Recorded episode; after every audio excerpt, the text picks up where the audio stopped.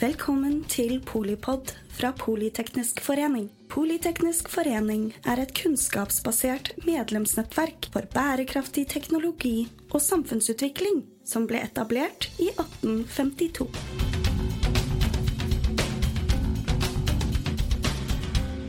Kanskje er han Norges eh, morsomste statsråd. Eh, trippel sådan, eller eh, kanskje da nå eks-statsråd. Hvorfor har han da konvertert fra optimisme til eh, pessimisme? Velkommen til eh, lanseringen av 'Ingen tror på nåtiden' av Torbjørn Røe Isaksen. Han skal bades av eh, Therese Sollien fra mm, Aftenposten.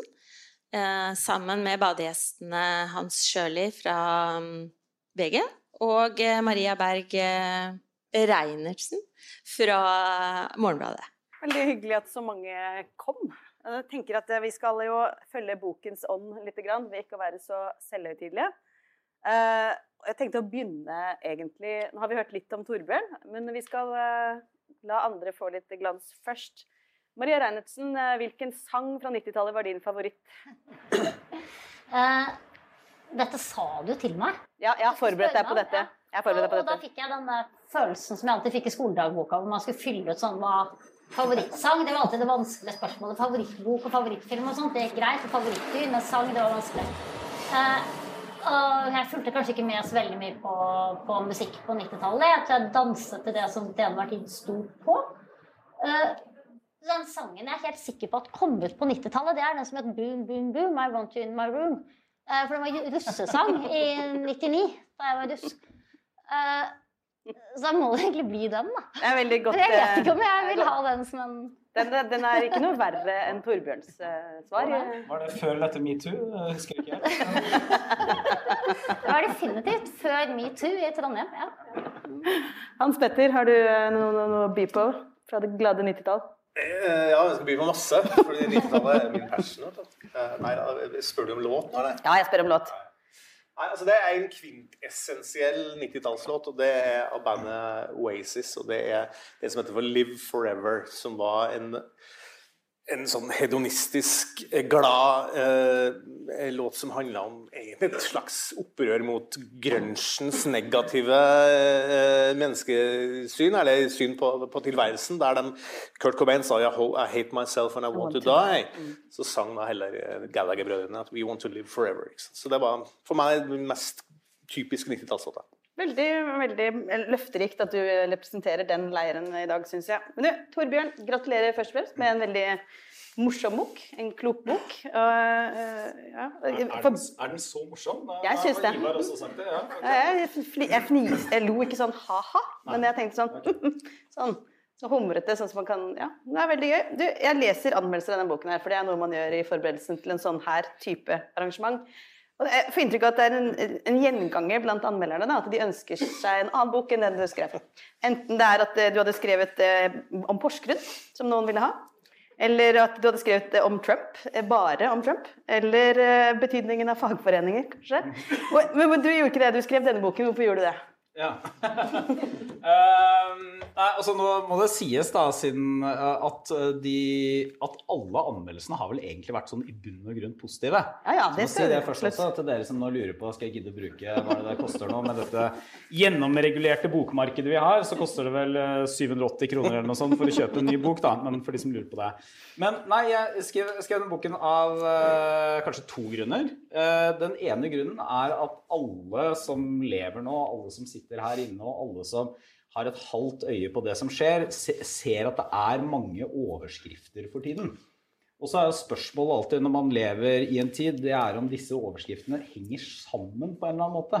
Fins det noe som binder eh, diskusjonen og frykten for Kinas vekst, eh, det man kaller for den nye geopolitiske spenningen, eh, polarisering i Vesten, det som tilsynelatende er en, en omlegging av den økonomiske politikken, hvor plutselig staten er tilbake på en måte den ikke har vært på kanskje 30-40 år, sammen på. Eh, og det var det jeg var nysgjerrig på, for jeg, jeg føler at det er det. Og for å finne svar på det, og det er nummer to, så spoler jeg litt tilbake i tid for å prøve å finne ut liksom et bredt tablå. hva er det vi forlot, da? Hvorfor så verden annerledes ut etter Berlinmurens fall, etter Sovjetunionen var borte, etter den kalde krigen? Og hvorfor fikk den tidsånden, dette litt sånn forslitte begrepet, hvorfor fikk det også konkrete politiske utslag? Det var ikke bare sånn studiesirkelprat eller noe man følte på. Det gjorde at vi var tryggere. Vi beredte oss på en verden hvor handel og globalisering og fred skulle gjøre oss fundamentalt tryggere enn tidligere. Og så ser vi jo nå at dette har krasjet med de konsekvensene det får. da. Mm. Ja, Torbjørn beskriver i denne boken en typisk 89-er. En kanskje litt sånn eh, svermerisk, eh, som du nettopp sa, overbevist om at nå har man lært. Liksom. Nå er det slutten på historien, og krig er noe som tilhører fortiden, og nå er det handel og globalisering og backpacking som tilhører fremtiden. Eh, Maria, kjenner du deg igjen i den beskrivelsen? Og dessuten, spørsmål to. Har du eventuelt også konvertert til et mørkere sinn den siste tiden, sånn som Torbjørn har gjort? Nei, jeg har jo tenkt på det når jeg har lest boka, som jeg er helt enig med Torbjørns redaktør, da, Ivar, i at dette er en bok som er veldig god på den måten at den tvinger deg til å tenke hele tiden og, forholde seg til de, de analysene og de påstandene du, du, kommer med. ikke sant? Og så er du redelig nok da, til at du både du, måte, du, du, deler opp hva som er fakta, hva som er dine egne tanker. Og Det gjør boka god å tenke med. Og jeg kjenner meg nok ikke altså jeg, jeg, deler jo den følelsen sant, at du vokste opp i en tid hvor, hvor murene falt. da, Og hvor ting på mange måter ble bedre. Du gikk liksom altså du, du, gikk fra at det hadde vært liksom altså Vi hadde, vi hadde glad, uh, du gikk fra en tid hvor det hadde vært kald krig, til en tid hvor det ikke var kald krig. ikke sant? Og det at når det var krig i Jugoslavia, så ble det betrakta litt som en sånn feilvare. da. Eh, mer enn egentlig en, eh, et uttrykk for hvordan verden skulle utvikle seg videre. Men samtidig så tenker nok jeg det at jeg, jeg var nok ikke så optimistisk som deg på 90-tallet. Jeg tror ikke jeg kjøpte tidsånden så mye da. Og det er kanskje også en grunn til at jeg ikke ser så mørkt på nåtiden. Eller fremtiden, som, som, du gjør. Mer sånn ja. jevnt dunkelt gjennom hele tiden? ja. jevnt. Nei, men jeg, jeg, kanskje også Jeg føler kanskje at vi lever i en tid nå hvor det er flere muligheter å, å gripe. da, de. Men det kan vi jo snakke mer om. Ja, vi kan og skal. Jeg, jeg skal jeg, jeg føler at Ok, for Det ligner litt på det som fremkommer i boken. her. Da. Torbjørn har to figurer som sitter på den ene skulderen. altså henholdsvis venstre og høyre skulder, optimisten og pessimisten. Og det ante meg litt at jeg kom til å ha det litt sånn her i dag, med Hans Petter på venstre hånd og Maria på høyre. Og så deg som en sånn libro, da, som kan være begge deler. Hans Petter, du er optimisten, er du ikke det? Jeg syns det er særlig morsomt dette avsnittet som Torbjørn har i boken her, om backpackeren. Og da tenker jeg med gru på min egen fortid ikke sant? og drar til eh, Indonesia og backpacker til Gili Travangan. Treffer han som kjører Snakker man som kjører båten over dit, så tror jeg at jeg treffer en likemann. Litt blind for egne privilegier. Mm. Er, det, er, det, et element mm. i den fremtidstroen og globaliseringsiveren? Ja, kanskje. Jeg var jo aldri på backpacking. da. For jeg, var, jeg, jeg, jeg er så europafascinert, så jeg var bare på interrail, liksom. uh, nei, men altså Til det med pessimisme altså, Først så vil jeg bare si, og så er jeg helt enig med det som ble sagt her, at, at boka di er jeg kjenner jeg blir litt sur av og til, og så blir jeg litt glad av og til. og Sånn skal det være med sånne bøker. For ofte er sånne bøker litt for flate. Her er det virkelig en bok som du kan tenke med. da. Det er litt som en sånn Hollywood-film. sånn Du ler, ja. du gråter. Og blir gråter mens du ler. uh, og så kjenner jeg meg igjen. Jeg er litt eldre enn deg, uh, Torbjørn. Men jeg, jeg, bruker ikke begrepet 89. Det blir litt sånn parafrase over 68. Men jeg, jeg kaller meg 90-tallist. Og det har noe med en slags innstilling at uh, vi, jeg, jeg vokste opp med en litt sånn altså, Jeg faktisk satt og skrev om det her eh, før jeg kom hit. altså en slags sånn eh, det var ikke noe å bekymre seg for. Altså, jeg tenker, I sammenligning med hvordan de unge har det i dag, hvor det er så mye bekymringer og mental helse og, og alt det der. Det er sånt utrolig press hele tida. Vi vokste opp før mobiltelefonene og alt det der. Jeg, bare, jeg, kan ikke huske at jeg var bekymra i hele tatt. Jeg syns alt var kult, liksom. Eh, etter videregående. Jeg begynte å studere. Jeg hadde ikke noen plan om hva jeg skulle bli. eller noe. Jeg bare begynte på universitetet og leste masse og hadde det bare fett. liksom. Mm.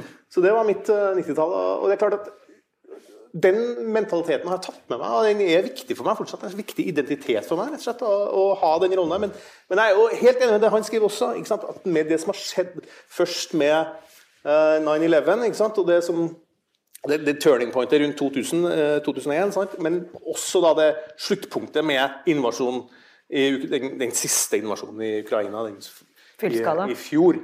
eh, som eh, for første gang i mitt liv er virkelig fått en sånn mørk eh, state of mind. da. Jeg ble deprimert. Altså, jeg tenkte faen, nå er det over. Altså. Mm. Og, det er, og du kan si at pandemien var, jo, det var med og forsterka det, men det var, der kom det et brudd for meg òg. Men jeg, tror nok fortsatt at jeg vil at optimisten er sterkere enn pessimisten i meg. Ja.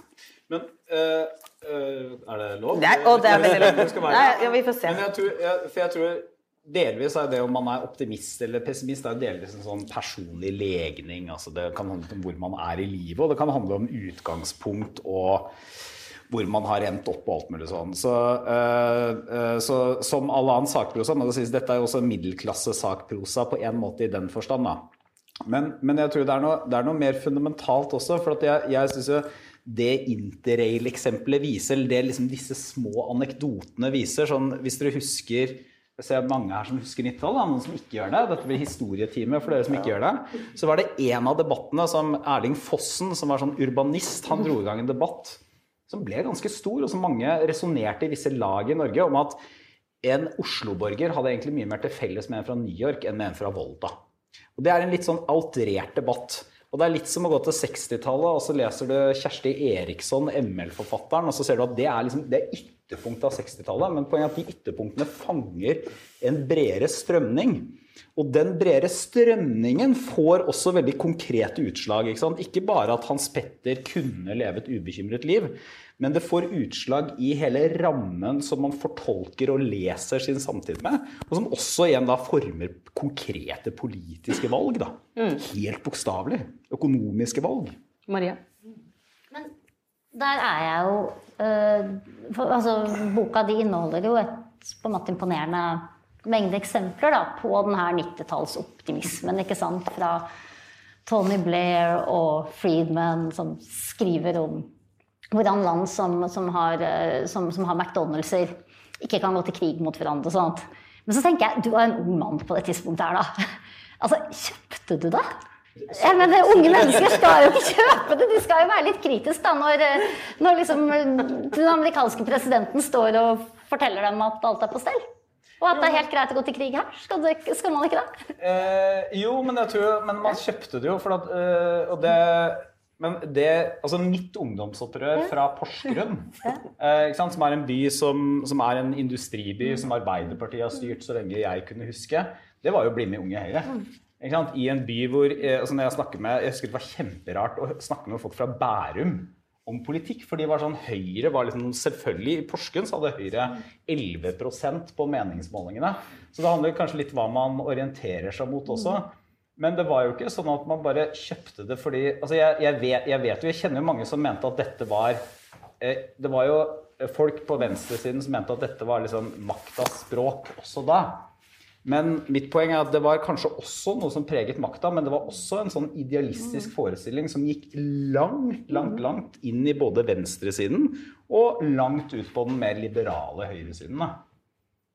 Men jeg kjøpte det. det, Ja, kjøpte det. ja, definitivt. Nei, og, og jeg spør jo fordi Men det gjorde var ikke du det i det hele tatt? Altså jeg tenker at jeg, jeg deler den der liksom, trygghetsfølelsen din. Ikke sant? At mulig falt at ting kunne bli, bli bedre. Uh, samtidig så tenker jeg det at det var jo hele tiden en, en diskusjon da, gående. ikke sant? Det var ikke så lenge etter sjokkterapi i Russland. Da måtte du liksom ikke langt ut på ytre venstre. Det holdt med Joseph Stiglitz, da, som kritiserte ikke sant? at du så, at de, du, du så på Russland, så så du at de markedsreformene ikke gikk sånn superbra. ikke sant? At det var et hint. og Du, du nevner jo ikke sant? Du nevner jo Naomi Klein og No Logo da, som en, en annen diskusjon som gikk hele 90-tallet, da, som var en diskusjon om eh, kapitalismen også sant, hadde en del negative sider. Da, sant, tok for mye, mye makt. Du, du hadde jo en gryende miljøbevegelse på det Eller ikke gryende, men du hadde jo en miljøbevegelse på det tidspunktet også, sant, som engasjerte mange unge mennesker. Da. Så, det, så dette, dette er bare det at jeg rett og slett er Jeg syns det er interessant da, Ja, det det. hvordan du tilnærma deg det her. Men, men jeg tror eh, Altså delvis er, det, delvis er det nødvendig for at, for at hvis man skal For dette er jo ikke en historiebok om 90-tallet, det er et forsøk på å for, forklare hva som skjer nå. Og for å gjøre det, så er det også nødvendig å forklare hvorfor disse Men det var, det var brede samfunnstrender og syn som handler mye om det skal vi ikke gå inn på nå, da må vi ha sånn nachspiel med rødvin og sånn, som handler mye om menneskesyn, historiesyn ikke minst. Hvordan man ser på historien eh, og modernitetsbegrepet. Det er jo egentlig det som ligger til grunn, selv om jeg ikke skriver veldig, veldig mye om det. Men som, som heller ikke er ikke sant, Hvor kanskje det du beskriver, er jo en protestbevegelse som tilhører det ene ytterpunktet, men det er på ingen måte det dominerende. Det er litt som å beskrive Jens Bjørneboes konservative Steiner-miljø på 50-tallet. Det er veldig interessant å lese om det, men det er Einar Gerhardsen og sosialdemokrati som gjelder. Det er derfor jeg syns det er det mest interessante, og det er også det jeg var del av. Altså ikke Gerhardsen, da, men denne brede ja. Jeg har lyst til å snakke om en ting. Er, du beskriver eh, veldig eh, treffende, syns jeg, hvordan ingen i opptakten til første verdenskrig skjønner at nå blir det verdenskrig. Eh, det er jo på en måte, var sikkert også en veldig hyggelig tid.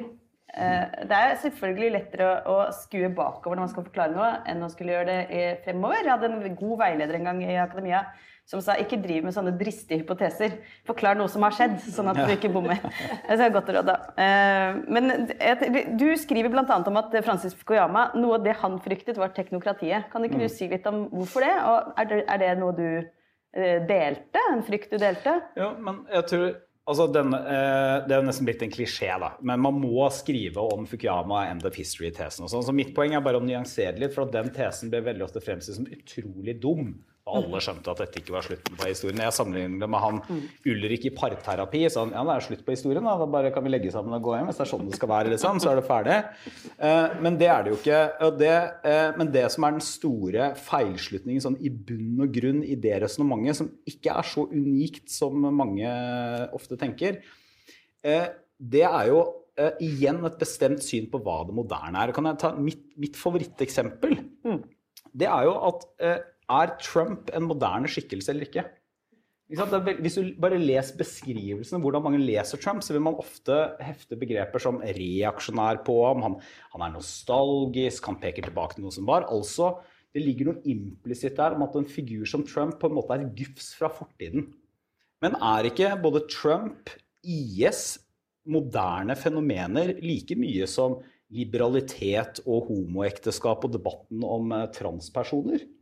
Jo, i aller høyeste grad. Og det er litt av problemet med eh, Det er litt av det som er parallellen mellom måten vi har sett historien på, og måten de så det på før første verdenskrig. For da trodde de også at vi er unikt eh, Vi er en spesiell tid i historien.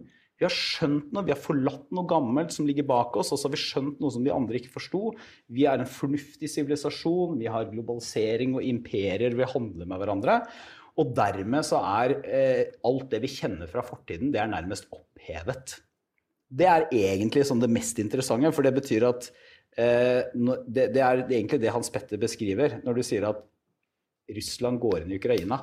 Hvorfor er det et øyeblikk som endrer så mye perspektivet til så mange mennesker? Ja, nettopp. Altså, eh, Kant skrev om det der i Den evige freden. At eh, krig blir jo snart over fordi folk skjønner at det er irrasjonelt. Du, du, sa det, vi skulle ikke ha en DJ Bobo-samtale. Dette gikk veldig lett over til Kant. og... Jeg hører deg. Eh, ja, men, Derfor skal vi nå inn denne veien. er du enig, Hans Petter? Er det... At jeg ikke er lestkant? Nei, jeg vet at du er lest Kant, men jeg ser at du har lyst til å snakke om noe annet. I can't talk about Kant. Ja, ja, ja. Er du enig med Torbjørn? Er det, er det, hvorfor ble du altså Var det egentlig så veldig overraskende, da? da etter 2014 eh... Nei, det var det ikke. Mange, for mange var det. Eh, jeg bare gikk tilbake og så hva jeg sjøl skrev i 2014. Jeg var veldig lett, letta over at det var veldig bra da jeg skrev i 2014. fordi at det her var starten på noe som ikke så uh, altså, Det kom til å bli verre, og det, vi, vi, var naive i møte med det her. Men men jeg vil jo tilbake litt. Altså det, er, det, som, det, som, er det skumle med det, er si at liksom 90-tallsidealer mistes som en slags arketyp, da, eller stereotyp, eller hva du skal kalle det, som er, at det er over, det syns jeg er litt, sånn, sånn, litt skummel tankegang. fordi at jeg tenker at så, så verden er nå, så trenger, man egentlig mer, altså mer 90-tallstenking enn noensinne. Altså det, det, som skjedde den gangen, var at det ble mer demokrati, det ble mer frihet. Det, ble, det var, en, altså det var en, en, tid som pekte en retning. da.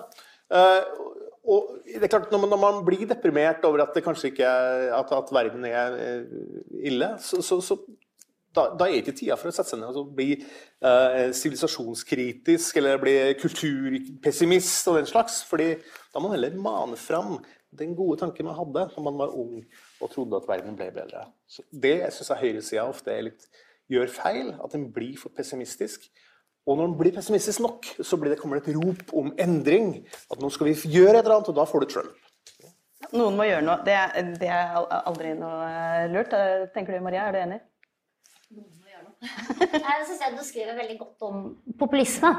Eh, og akkurat det at det er et sånt rop da, om at noen må gjøre noe, og så er det ikke sikkert det er så viktig akkurat hva de gjør, bare det er en, en kraftfull handling som responderer på en eller annen frustrasjon. Det syns jeg er en en kjempegod eh, observasjon i, i, den boka. Da, som ligger vel implisitt i det også at du tenker at hvis noen skal gjøre noe, så bør de gjøre noe, noe klokt. eh, men det jeg tenker litt i forlengelsen av det du sier nå, det er jo det at vi er eh, At det som kanskje er riktig da, ikke sant, med 90-tallet, det som er, karakteriserer den, i hvert fall liksom sett fra, fra, vår del av verden, da, det er nettopp den der følelsen av at alle Uh, all, all, all, at det var ikke noe konkurranse. Ikke det var ingen, ingen, helhetlige systemer som konkurrerte med, med, det liberale demokratiet og markedsøkonomien. Ikke sant? Alt det hadde spilt fallitt. Så det du satt igjen med, det var ulike sånne eh, bakstreverske liksom, protestreaksjoner og protestbevegelse, men det var ingen som hadde et sånt helhetlig alternativ. Og så tror jeg at det føles helt annerledes i dag. I dag så blir man utfordret av et helhetlig alternativ. Du peker på eh, Kina. Eh, hvis man rykker litt nærmere, så ser man jo også det at det er en del noen land i Sentral-Europa, f.eks. Uh, Polen og Ungarn, da, som prøvde å bygge opp et sånt et eller annet sted. liksom Henta litt fra Russland, henta litt fra eh, andre steder. Og bygger opp sånn, et slags sånn illiberalt demokrati, som, uh, som Viktor Urban har kalt det. Hvor man kan ivareta liksom, tradisjonelle verdier, samtidig som man kan ha valg og, og, og en dose markedsøkonomi. ikke sant? Så man, man får en konkurranse, da. Og, og, så må man forsvare seg. Og så blir spørsmålet litt hvordan, hvordan gjør det liberale demokratiet seg i den konkurransen. Da? Og da lurer jeg litt på hvorfor du er så pessimistisk akkurat nå. For det viser ikke egentlig eh, krigen i Ukraina f.eks. at eh, det liberale demokratiet det gjør det jo ikke så ille, da? En er jo faktisk villig til å stå opp for en del av disse verdiene. Koronakrisen viser at man kan komme seg gjennom dette og gjennomføre noen krisepakker, stenge ned økonomien og åpne den opp igjen. ikke sant? At man kanskje er mer robust enn man egentlig skape, trodde. Ja. Skape uh, inflasjon. Uh, ja. ja. og inflasjonen uh, går ned igjen. ja da, ja, som du ser. Ja, da, det er fra riktig. Nei, altså, men, um, men, det er um, Det er jo også mitt mm. lyspunkt, da. Eh, for, for, den siste delen av bokas undertittel er jo 'Jakten på lyspunkter'. Jeg hadde egentlig tenkt at det skulle vært mye, mye mer utbrodert, men det, det, ble litt vanskelig, rett og slett. Ikke fordi jeg manglet tid eller hadde tre små barn som drev og føyk rundt og sånn, men fordi det var vanskelig å finne lyspunkter. Men, men, altså, men kjernen, kjernen, i det er også fordi at en av de tingene som jeg er liksom glødende opptatt av, da, det er at um, en av svakhetene ved det liberale demokratiet det er at i verste fall så uh, blir det um, ikke parasittisk, men det er en hinne over det tykke fellesskapet. Det liberale demokratiets kjerne det er at alle vi kan være uenige, og så kan vi leve hver våre liv. Og så behøver vi egentlig ikke ha så mye felles, vi har en slags sånn juridisk ramme. Rettsstat og demokrati. Mens eh, samfunn med fellesskap de krever noe, noe mye mer enn det. De krever en følelse av solidaritet, samhold, fellesskap, som ofte er, tar lang tid å utvikle, historisk betinget etc. etc. Eh, og da, da, så Mitt sånn spørsmål, grunnen til at jeg er litt optimist da, Jeg, jeg tror ikke, tror ikke liberaldemokratiet står for fall. Det er at de liberale demokratiene har i all tid blitt kritisert for å være dekadente, late, slappe. Altså Dette har alle fra Stalin til Hitler til mm. Putin i dag har sagt akkurat det samme. Og de er, de er feminine og slappe, og de orker ikke å forsvare seg selv fordi de er så rike. Mm. Og så har det vist at liberaldemokratiene har en sånn urkraft i seg. Altså Man er villig til å gå i forsvar for dette. Eh, og det er jo noe som eh, Er det optimistisk at man er villig til å forsvare seg? Men det er i hvert fall en grunn til Ja, det, en du, du skriver her at liberalt demokrati, demokratiet ikke har noen purpose, men det har det jo. Nemlig å forsvare det liberale demokratiet. Det er Ja, purpose. det er en sånn circle purpose, da. Ja, men det er, det er, viktig, det er viktig, for det, det viser jo det som, som skjer. Den, den, til og med ytre høyre stort sett over hele Europa har gått mot Putin ikke sant? etter det som skjedde etter den fullskala invasjonen. Og det er jo et tegn på at det fellesskapet du pås, eller du, du filosoferer over, er borte, da, som knytter oss sammen, faktisk er der likevel. Nemlig at vi vil leve i et liberalt demokrati. Ja. Ja, Nei, snakk for dere selv. Nei, jeg bare tuller. Men eh, jeg lurer litt på eh, Det De ble fleste så, av oss. Ja. det er så veldig alvorlig. Jeg lurer litt på eh, hvor blir det av Melodi Grand Prix-sangene om Kina? lurer jeg på. Kan vi tro på Zhongguo Mange og sånn? Det er Liksom, det i Ketil Stokkan, hvor Dette er er parallellen til eh, alle 89, 90, 91 Grand Prix-sangene. Ja, ja. Om glasnost og perestrojka Ja, og nettopp. sånn. ikke sant? Ja. Jeg lurer litt på Du skriver ganske mye om Kina. Det syns jeg eh, selvfølgelig som sinolog er veldig fint at du gjør, og interessant. Jeg lurer litt på et par ting. Angrer du på det Kina-besøket i 2018? Burde ikke Norge ha skrevet under på den normaliseringsavtalen? Og en ting til. Eh, Hvor mye er, tenker du myk makt teller? Ja. Tre små spørsmål. Tre veldig små spørsmål. Ja. Eh, dette var det egentlig, jeg vil bare si at dette var egentlig en liten Først var det en del av boken hvorvidt jeg angret på dette besøket i 2018. For å ta konteksten, da, så var eh, en del av boken Jeg prøver å bruke litt sånn personlige anekdoter, og det er for Delvis for å myke opp teksten, delvis fordi min redaktør Ivar sa at det var eh, en god idé. Leseverdig, Så det var veldig sårende for ham da en bokkritiker påpekte at han syntes det var tullete å ha sånne personlige anekdoter. Men jeg syns det funker også. Men uh, en av dem er da jeg hilser på Xi Jinping. Er det riktig uttalt?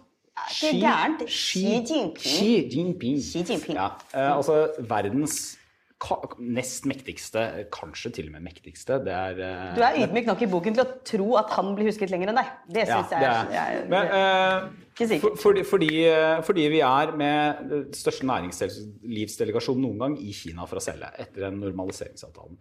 Angrer jeg på det? Nei. Ikke sant? Og mener jeg det var feil? Nei, det mener jeg heller ikke. Fordi uh, det, Dette skriver jeg ikke ut, men jeg Igjen sånn litt i kontrast. også, jeg, jeg blir veldig sånn matt av eh, hvis man skal late som man eh, Man skal late som man har en menneskerettighetsagenda som man hele tiden kan pushe og diktere andre land med, men som i realiteten ofte blir tannløs, istedenfor å forholde seg til land realpolitisk. Så det angrer jeg ikke på. Men det som er en feil, som jeg også har skrevet om for øvrig flere ganger i E24 med adressat til regjeringen jeg satt i og meg selv, det er jo at Norge var på ingen måte forberedt på den økonomiske, eh, sikkerhetsmessige utfordringen som Kina helt åpenbart representerer. Og Det beste eksempelet på det er også at man reiser med en næringslivsdelegasjon, at vi tenker på transaksjoner og handel med Kina i et rent sånn økonomisk perspektiv, ikke i et teknologioverførings-, sikkerhetspolitisk og også kanskje ny økonomisk kald krigsperspektiv. Som kommentator er du Ja, jeg synes det er fornuftig. ja. Maria, er du Ja. Ja, nei, I ettertid så sitter du og har vel en sånn tror Hvis jeg slår sammen boka di, så har du en sånn tese der hvor du vil si det at økonomi spiser ideologi til frokost, og sikkerhetspolitikk spiser økonomien til frokost. ikke sant? Og, og nå er vi der hvor alt er, er eh, sikkerhetspolitikk, og mye av det vi en kanskje tenkte på før, det, det fremstår jo akkurat nå. ikke sant? Nord Stream, alt dette er jo fremstår liksom Vi skulle gjort noe annet, da. Eh, samtidig så må jeg innrømme det at jeg liksom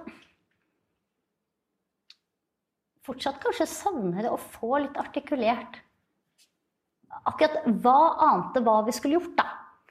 Eh, ikke sant? Fordi at hadde vi, hadde vi hatt et mye bedre forhold til Russland i dag hvis vi ikke hadde hatt en periode hvor vi hadde forsøkt å ha folk-til-folk-samarbeid i nordområdene, hadde Russland latt være å invadere Ukraina hvis Tyskland ikke hadde bygget Nord Stream? ikke sant? Altså, det er klart, Vi hadde stått liksom sterkere i Europa til å stå imot det hvis vi hadde hatt liksom, bygget vindmøller et annet sted i- istedenfor. Men jeg, jeg tenker at det er sånn jeg kjenner jeg stritter så veldig imot da, å liksom joine den der etterpåklokskapen. Fordi den, den, den, er så, den, er så, den er så fristende. Og den føles kanskje også litt sånn Og, og på en måte intuitivt da, så stemmer det jo, men samtidig så eh, Ja, kanskje skulle man hatt en, en større mistenksomhet. Kanskje skulle man Man skulle helt klart vært liksom Vi skulle jo helt klart ha skjønt tidligere da, at Russland eh, at det Russland gjorde i innenrikspolitikken sin, det var ikke noe som på en måte stoppet ved, ved grensene deres. Der tenker jeg der, der, det, det,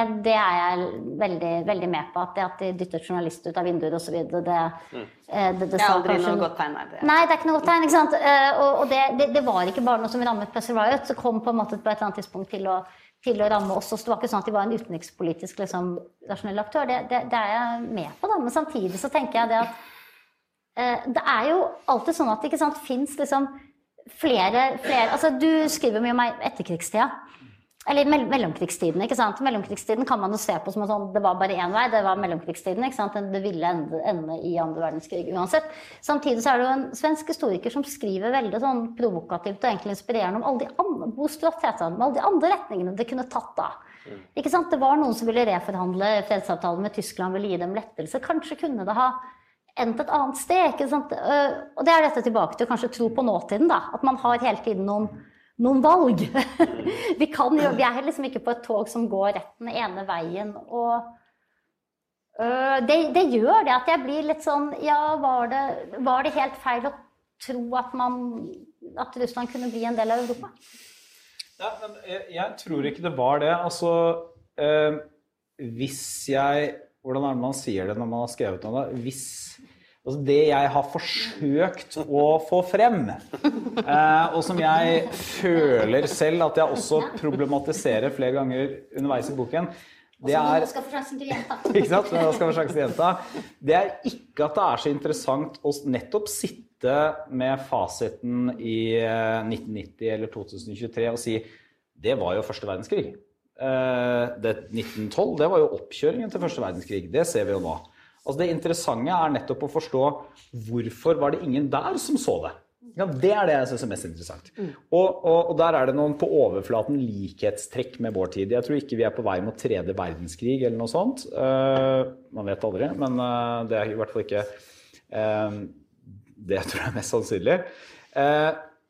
Og, det, og det, det, er jo fordi at Så, så det interessante syns ikke jeg er å si at vi burde gjort det og det og det, og hva ville altså, og det er jo ekstra interessant, syns jeg, fordi jeg har vært med på å ta disse beslutningene i åtte år. Så det er ikke sånn at jeg ikke har tatt stilling til dette. Og jeg har hatt noen ting som jeg har løftet litt, og så har jeg ikke forfulgt det og sånn.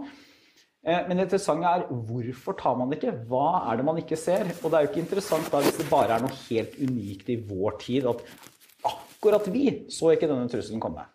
Mens alle andre har vært annerledes. Nei, dette er noe som mennesket gjentar gang på gang på gang i vår nyere historie. Altså, det er en type feil vi gjør igjen og igjen. At vi luller oss selv inn i en sånn optimismefelle, på en måte. Men, men er du eh. enig med det Maria sier, altså at uh, tilnærminga med Russland og Kina at det, også, det, var riktig, på en måte. Altså, ja, altså, ble... en, vi, hadde en, en, sånn window of opportunity ja. til å løfte dem inn i, sånn, i, vår verden. Da, for, å forsøke å, for det er en, det er en, av de tingene som er deilig ved å ikke være politiker lenger, er jo at ingen sa sånn Vi må skrive ut hva dette betyr politisk. Og så måtte jeg skrevet sånn Alt dette betyr at vi trenger en kommunereform. Uh, og, en regionreform? Regionreform og gjøre noe med skattesystemet. Lavere formuesskatt eller et eller annet sånt. Så det slipper jeg nå. Men, men, jeg ville tenkt at eh, det handler helt om kontekst. Så, så, det at ikke Vesten slo hånden av et liberaliserende Kina i 1989, selv om de slår ned på de mest brutale eh, demonstrasjonene på Den himmelske fredsplass, veldig klokt, tror jeg. Men det at man ikke tidligere Det at vi forsøker å liksom engasjere Kina, det mener jeg fortsatt også, at en sånn engasjementspolitikk er fornuftig. Eh, veldig klokt også. Men det at vi samtidig bruker for lang tid, både vi og USA og mange andre, på å se at det også er en sikkerhetspolitisk, økonomisk og teknologisk utfordring her, da, adversary, det er en tabbe. Men det betyr at det blir mye mer nyansert. altså Det er ikke sånn at det hadde vært veldig rart i 1994 hvis man skulle sagt at det fins en evig russisk sjel, og den vil alltid være autoritær og totalitær. Og det er umulig å håpe på noe annet, på en måte. Altså, jeg er ikke, jeg er ikke der.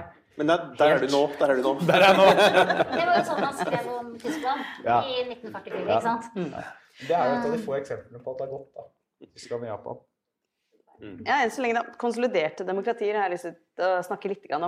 egentlig. Det er Aren Leibhardt, hvis jeg ikke husker feil, som mener at et konsolidert demokrati er et demokrati der makthaverne tenker at den eneste, eller altså borgerne tenker at den eneste veien til makten er gjennom lovlige kanaler, institusjoner, gå banke på dører og være med i parti og stille til valg. Ikke kupp, ikke bestikkelser osv. Eh, du nevner eh, Samuel Huntingtons Third Wave i den boken der. Der er det for ham eh, kanskje ikke så overraskende at det kommer en sånn rekyl etter en stor demokratiseringsbølge.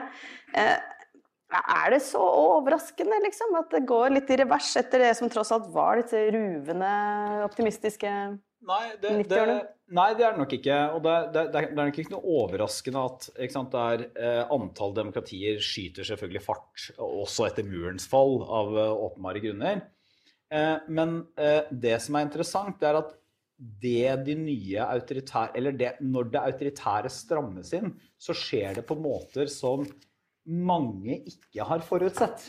Altså, så det som, det som, kan forklares hvis, sånn skisseaktig innenfor et sånt utviklingsoptimistisk, liberalt paradigme, så kan det fullt ut forklares at noen slemme mennesker tar makten gjennom et militærkupp. Eller at en korrupt elite tviholder på makten og holder folket nede. Eh, eller at eh, et, et, et, eh, Kina, kinesisk kommunistparti klarer å holde på makten samtidig som det åpenbart at den marxistiske ideologien deres er jo helt forvitret. Det er ingen som tror på den lenger.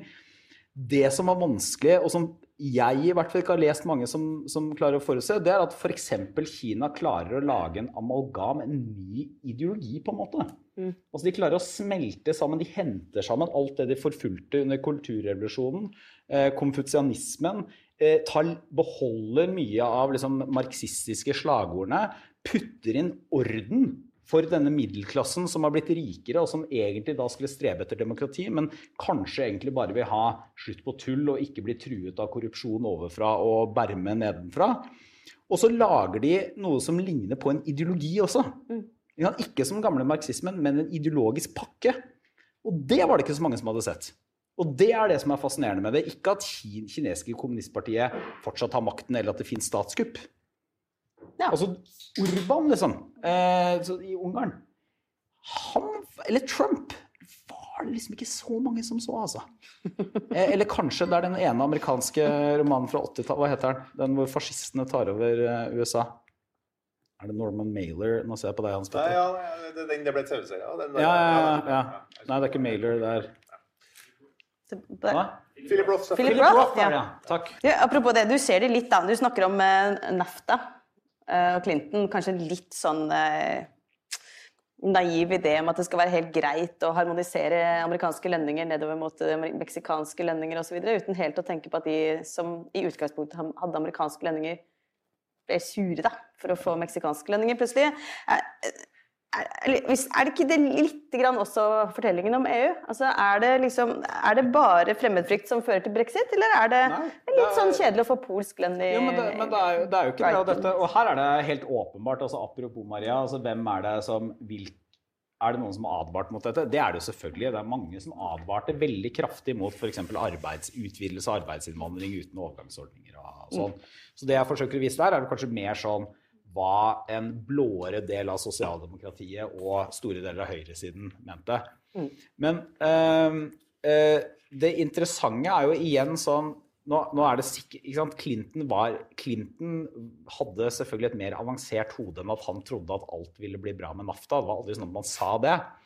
Men, men det var ingenting i den store argumentasjonen som heller Altså Ross Perot Ja, dette blir veldig Kom igjen, uh, Ross Perot. Bring it on. Ja, altså, poen, poen, poenget er at det var um, det var en mangel på forståelse for, at, for, hva som også kunne være skyggesidene av frihandelsavtaler, da, mm. eller arbeidsinnvandring. Som jeg fortsatt Jeg er jo ikke helt uh, ikke 89-er. Uh, jeg fortsatt mener jo at frihandel i bunn og grunn er bra, og at arbeidsinnvandring er nødvendig, selv om jeg mener at vi trenger å liksom, ramme det inn ganske klart og sånn. Mm. Ja. Maria, du, har du skrevet en del om jeg skulle til å si det. Jo, nei, men altså det, det Jeg tror det liksom peker på to ting, da. For det første for å ta Ross Perot, som advarer mot dette suget da, av arbeidsplassene som liksom suges mot uh, Mot Mexico. I USA i Ja. 1992. Uavhengig kandidat. Eh, Ja. Ikke sant? Så tror jeg det peker på akkurat en av problemene for liksom, litt sånn teknokratiske lilla politikere. Da, for å si det sånn, som er det at Hvis du ser på det i ettertid, hva var det som skjedde? Ja, det, det finnes noen veldig interessante studier av dette. uh, som blant, en kar som bl.a. heter Dorn, har, Author og Dorn har gjennomført. Uh, og det de finner, er jo at ja, det er helt riktig, det. Det forsvant mange jobber. Ble utkonkurrert av frihandelsavtaler. ok, Men det var bare, hvis du ser på alle jobbene som forsvant i USA i perioden etterpå, så var det én av seks jobber som forsvant i frihandel. ikke sant? Så var det fem av seks jobber som forsvant til andre ting. Blant annet veldig mye teknologisk utvikling. ikke sant? Og da blir jo liksom spørsmålet eh, Da kan du jo på en måte både forstå Ross Perot og, og Trump, da, ikke sant? som sier at jobbene forsvinner til eh, eh, Pga. frihandel. Ikke sant? Men du kan også forstå de politikerne som sier at det er ikke dette som er hovedproblemet. Folk må få utdannelse. Ikke sant? De må tilpasse seg kunnskapsøkonomien, for det er den som kommer til å ta jobbene. Ikke sant? Så jeg tror jeg forklarer hvorfor mange av de her diskusjonene blir ganske vanskelig, Da. Og, og er på en måte blitt litt sånn dårlig håndtert kanskje fra, fra begge sider. Ikke sant? Fordi jeg tror, det jeg tror vi sitter igjen med nå og skjønner veldig godt, det er jo det at det liberale demokratiet, eller egentlig et hvilket som helst demokrati eller styresett, da, det er ikke sånn Hvis det ikke er veldig undertrykkende, så er det ikke veldig bærekraftig på sikt hvis det ikke kan levere en slags økonomisk utvikling til befolkningen sin også. Ikke sant? Det er jo det som? Hvis vi snakker om Orban i, i Ungarn, f.eks., så, så kommer jo han til makten og, og vinner makten i en periode hvor, hvor folk er blitt veldig skuffa.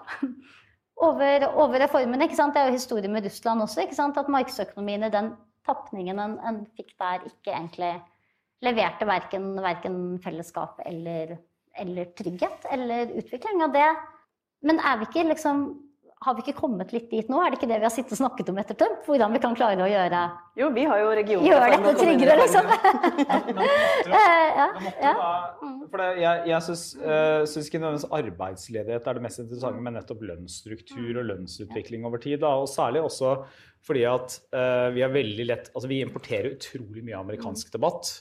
eh, selv om det ikke passer på det i Norge. Men akkurat på dette området så er Norge annerledes. Men du ser klare tegn også i Norge til at eh, Nå husker jeg ikke akkurat over hvor mange år, men at de lavest, nederst på lønnsstigen har veldig svak eller nedadgående reallønnsvekst. Eh, Og en av de mulige forklaringene på det er nettopp for at det er mange av yrkene som står i hardest lønnskonkurranse med arbeidsinnvandring.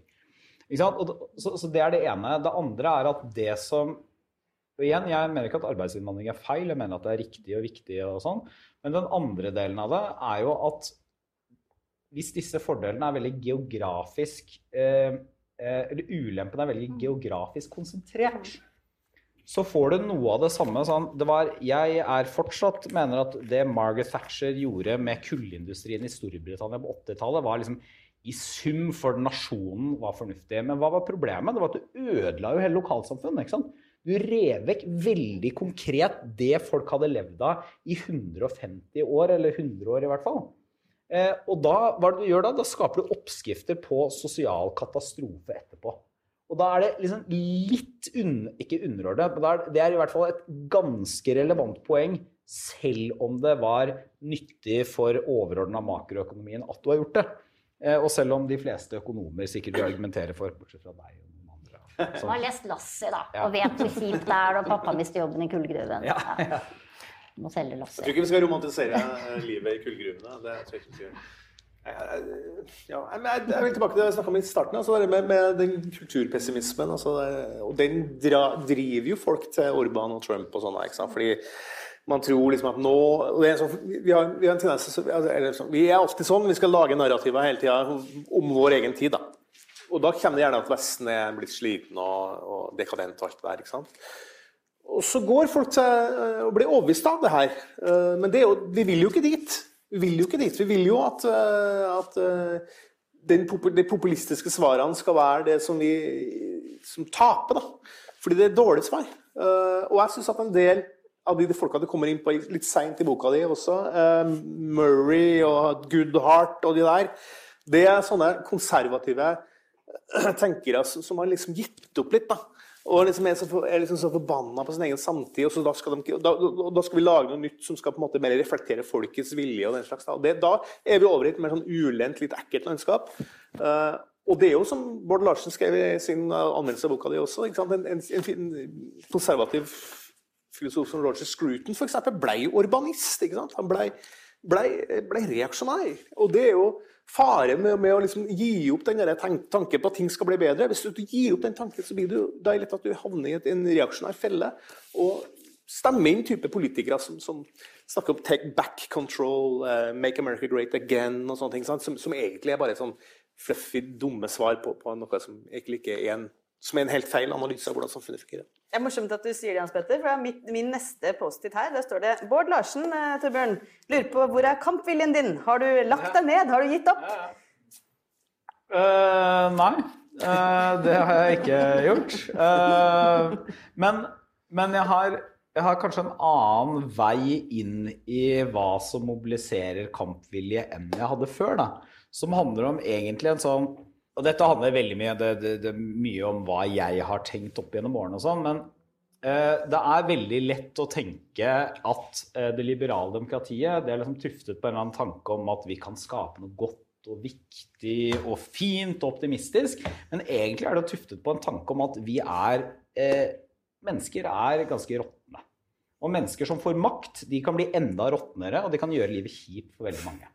Eh, det er eh, på samme måte som markedsøkonomien. Bare for å ta en sånn kontrast. Den er veldig lett å tenke, eller jeg gjorde det, og det var mange som gjorde det også, i og for seg gjør det fortsatt, som tenker at markedsøkonomi er først og fremst liksom frigjørende, positiv, skapende ideologi. Ja, det er det i og for seg også, men en annen måte. Det er mer som Bernard Mandeville og en sånn skotsk opplysningsskole som sier at Markedsøkonomien er jo i og for seg Adam smitte også. Den, den er gitt at mennesket ofte er egoistiske og kortsiktige, så er den mest realistiske måten å få verdier for hele samfunnet på, det er å ha en markedsøkonomi. Eh, og dette er liksom Ideen om at sånn, kommunismen mislykkes ikke fordi det ikke er en vakker idé. En kjempevakker idé, det bare fungerer ikke i praksis. Du må bygge noe som faktisk kan fungere i praksis. Så jeg er uenig med deg, Hans Petter. Jeg tror at eh, må, ikke for alle, åpenbart ikke for deg, da, som, som vil holde på en eller annen sånn stol, variant av Stoltenberg 1 iblandet Høyre-statsråder til du dør. Eh, Ja, det er liksom din politiske Det er VG. Det som vi pleier å tulle i VG, så ser vi alltid at vi foretrekker en Arbeiderparti-regjering som fører høyrepolitikk. Ja, ikke sant? Men, men, eh, men jeg, jeg, jeg mener jo at nettopp for å slå ring om det liberale demokratiet og de grunnleggende samfunnsinstitusjonene og sånn, så, så må man for det første forstå hvor denne pessimismen og mørket og polariseringen kommer fra. Og da må man forstå det ikke sånn klinisk. da Man, man, til en viss grad For å kunne eh, forstå det, så må man kjenne på det litt selv også. Og så må man jo da klare å både hindre at det blir til en trussel mot det liberale demokratiet, men i, i beste fall også kanalisere det inn sånn at det bidrar til eh, i hvert fall at det liberale demokratiet opprettholdes. da. Ja, ja. Så jeg tror ikke liksom, det er en grunn til at ikke Tony Blair ville flydd i 2023. liksom. Ok, ja. Nå er det, det, det, nei. det hadde vært Det interessant. kommer noe, en, Like lite som DJ Bobo. det kommer en ny Og Tony Blair. Oasis er oppløst. Men det kommer en ny det, tidlig. Labour kommer sannsynligvis mest trolig til å vinne valget. Ja, det gjør det. Og det er bygd og litt av samme lessen ikke sant, som hvordan de tenkte på, på 90-tallet. Det er, ja, jeg tror ja. Jeg, jeg synes det er, eh, Når vi først snakker om institusjoner og om å få ting til å fungere En gang intervjuet jeg Carl I. Hagen. Han, eh, det var det mens eh, Frp satt i regjering med Høyre. Eh, og han sa at Fremskrittspartiet var aldri ment å være et regjeringsparti, slik han så det. Det var ment å være en slags ventil som drev Høyre i retning Høyre når det nærmet seg Arbeiderpartiet for mye. På samme måte som SV eh, trakk Arbeiderpartiet til venstre når det beveget seg for langt inn mot sentrum. Eh, i, I boken så skriver du litt om at USA og Storbritannia ikke helt lyktes i å temme sine populister. Hvis jeg tolker deg riktig, i Trump og brexit osv. Hvor, viktig er, eh, hvor viktig er flerpartisystemet, tror du? For å unngå sånne utfall. Ja, det siste, nå har vi bare ni minutter igjen. Vet jeg. Ja, rekker det. Ta det litt sånn kjapt. Eh, jeg, tror, jeg tror ikke man er avhengig av et flerpartisystem. Men jeg tror, jeg, jeg, tror altså jeg er jo liksom i bunn og grunn blitt mer og mer der veldig mange i, i min situasjon er. da, En eller annen sånn det er noe med dette det brede sentrum og kompromisser og sånn, så har jeg mine klare synspunkter inni det, men like fullt. Men hva er det for å opprettholde et sånt partisystem, da? Så, så er det nødt til å ha øyekontakt med velgerne. Og en av de tingene som jeg mener populismen treffer på, ikke helt presist, men det er liksom i denne hagleskuren av, eller fyrer løs med hagle, så treffer noe av det på tanken om at mange av de som er toneangivende, meg selv i høyeste grad inkludert, i samfunnsdebatt og styring og stell og administrasjon i Norge og Vesten, tilhører et bestemt sjikt av samfunnet som har mer og mer lik bakgrunn, i større og større grad bor samme sted, i større og større grad diskuterer med hverandre. Sånn som vi Mer enn før, mener du? Ja, på en annen måte enn tidligere. På, på en genuint annen måte enn tidligere. Og jeg tror du kan se det til og med på eh, rekrutteringen til norske politiske partier og hvem som kommer opp. Ja, jeg vet ikke om det stemmer. Men det, jeg, Jeg tror ikke. Nei, ikke hvis du ser på utdanningsnivået på Stortinget, eksempel. Jeg tror ikke det stemmer. Men, eh, men det er jo en artig teori, da. Vi er jo begge altså, jeg, jeg, jeg, tror det, jeg, tror det, jeg tror ikke det er helt riktig. Altså. Eh, altså, elitene var mye mer sementerte før enn jeg nå. Nå er det mye mer flyt i systemet. Altså. Jo, men jeg tror I hvert fall for oss som kom fra 90-tallet, som jo kom, var en del av en enorm utdanningsrevolusjon. Jo, men det er, det er, flyt, altså det, er, større rekruttering inn, altså bortsett fra um, selvfølgelig at når f.eks. arbeiderbevegelsen vokser frem, så kommer det en helt ny samfunnselite. Eh, som også, det er Et av kapitlene er eliten som ikke forsto den var en elite. Og det er hvor jeg prøver å beskrive det jeg tror kjennetegner noe av samfunnseliten i dag, som ikke bare er liksom the one percent, det er ikke bare regjeringen, det er de toneangivende miljøene innenfor politikk, administrasjon, media, presse etc., som det, i hvert fall alle vi i panelet da tilhører, da, enten vi liker det eller ikke. Jeg tror den heter er- Den urbane metoo-eliten, hvis jeg husker det riktig fra. Trøndelag. Men poenget er at det er også klare Jeg har ikke sett undersøkelser fra Norge på dette, men også klare tegn på at innenfor dette sjiktet så er det, for å si litt sånn, for å bruke Oslo som et eksempel, så er det flere som bor på Ullevål Hageby nå eh, og gifter seg med andre fra Ullevål Hageby enn det var tidligere. Og det ser du på makroplan. da. Jeg har ikke de tallene for Ullevål Hageby. Eh, men eh, det er liksom en mikrokosmos-illustrasjon på hva f.eks. en dansk forfatter, amerikansk forfatter, britisk forfatter har skrevet om i sine land. da. Vi eh, skal runde av her, men eh, for å se hvem som vinner av optimisten og pessimisten, så tenkte jeg vi kunne ta en liten uformell eh, avstemning her. da. Hvem vinner USA-valget neste år? Venstre hånd i været for Trump? Kan ta republikanernes nominasjon først, da. Ja, OK. Trump blir kandidaten, ja eller nei? Hvis du tror ja, rekk hånda i været. Dette har jeg veddet flere flasker vin om, nemlig. Har du det? Ja. Og da hvis, la oss si, da, helt hypotetisk, at valget står mellom Trump og Biden. Er det Trump som vinner? Det kan da være. Det er, vet du hva, Jeg tror jeg tør å konkludere med at det er noen optimister igjen, Torbjørn. Ja, jeg også. Jeg rakk du ikke opp hånden, jeg heller. Nei, du gjør gjorde det- ikke det. Det kan fort skje. da tror jeg vi rett og slett eh, runder av der. Tusen takk for en hyggelig prat. Takk for at du lyttet til Polipod fra Politeknisk forening. Få med deg flere episoder, eller bli med på nettverksmøtene, som du finner ved å søke at polyteknisk, eller gå på vår hjemmeside polyteknisk.no.